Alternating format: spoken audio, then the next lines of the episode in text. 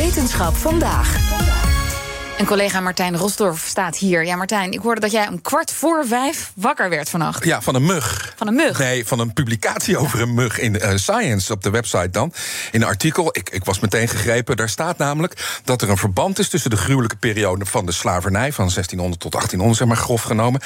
Uh, en tussen die slavernij en muggen, steekmuggen. Het feit dat we vandaag de dag nog zitten opgescheept met uh, ziektes zoals Zika en de gele koorts. Nou, dat moet je iets nader toelichten. Ja, dat vond ik eigenlijk ook. En daarom heb ik de man gebeld die hoogstpersoonlijk een heel eiland muggenvrij heeft gemaakt. Hij is medisch entomoloog, maar hij zegt, maar, hij zegt tegen mij: zeg maar muggendeskundige. Okay. Dat begrijpen de mensen beter. Bart Knols heet hij. En ik vroeg hem natuurlijk wat dan het belang is van die publicatie in Science. Nou, allereerst, de wetenschappers achter die publicatie hebben in kaart gebracht hoe de Aedes aegypti, de Egyptische mug, van een relatief onschuldig beestje, had nog nooit een mens gestoken, veranderde in een van de dodelijkste dieren op aarde. En uiteraard hebben de onderzoekers daarbij gebruik gemaakt van genetica. Ja, er zit een tijdspad aan het hele verhaal. Dat is interessant. En dat kun je dus doen op basis van genoomanalyse. Dus je kunt kijken naar het, genetisch materiaal van de mug. En dan kun je dus teruggaan. Dan kun je kijken wanneer waren die populaties vrijwel identiek. Dus hadden ze hetzelfde genetisch materiaal. Maar als die muggen op een gegeven moment uit elkaar gesplitst worden. Dan door de evolutie gaan die dan van elkaar verschillen.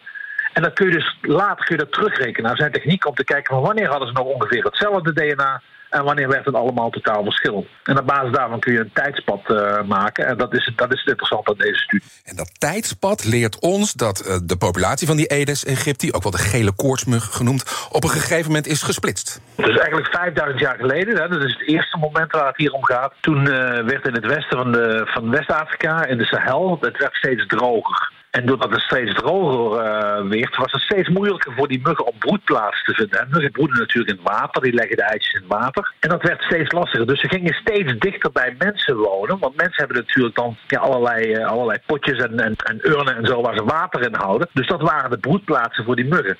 Nou, omdat die muggen dan dichter bij die mens kwamen, was het natuurlijk logisch dat ze zich ook gingen specialiseren op het nemen van bloed van die mensen. Dus ze werden wat we noemen antropofiel. Ze gingen houden van de mens. Mm, de Egyptische mug werd antropofiel. Mooi, hè? Ja. ja. Hij is inderdaad ons 5000 jaar geleden voor het eerst gaan steken. Het gevolg mag bekend zijn, en niet alleen zoem aan je hoofd... maar ook uh, ziektes van mens op mens kan die dan dus overbrengen. Maar er is nog iets waar die onderzoekers achter kwamen... door naar de DNA-klok te kijken van die Aedes aegypti. Ongeveer 500 jaar geleden was er nog een genetische splitsing.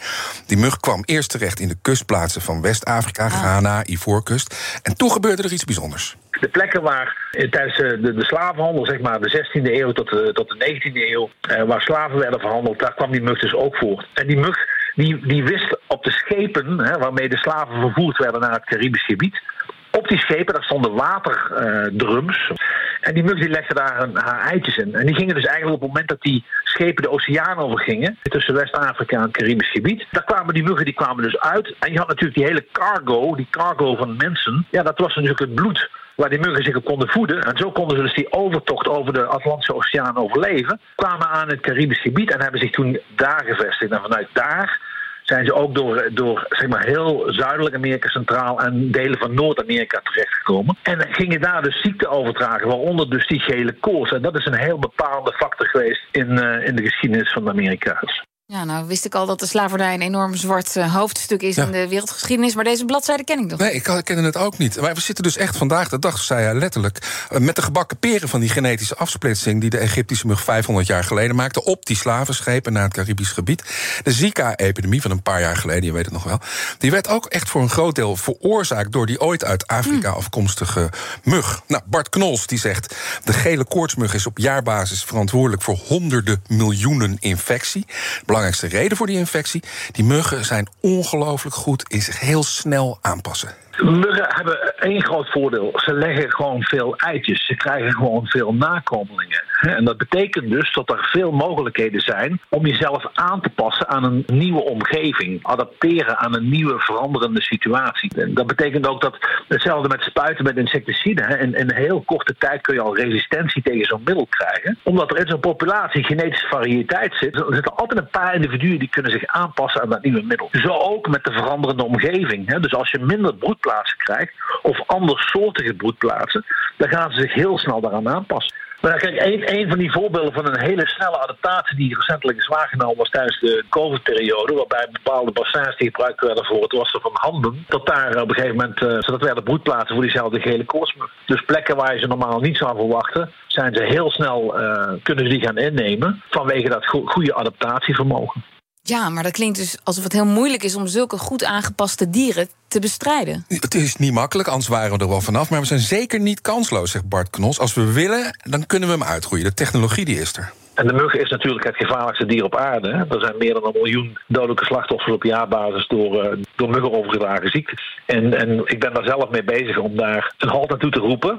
Door het ontwikkelen van, uh, van bepaalde manieren, valsystemen, om die mug mee, uh, mee weg te vangen, zodat die, die die ziekte niet meer kan overdragen. En het goede nieuws wat ik daarbij heb, is dat ik recentelijk een eiland in de Filipijnen helemaal uit weten schoon te vegen van diezelfde mug waar we het nu over hebben. En dat is toch wel heel leuk. Ja, dat was het. Veranderend klimaat. Lang geleden menselijk gedrag als trigger voor evolutie, ziektes, genetische veranderingen in muggen.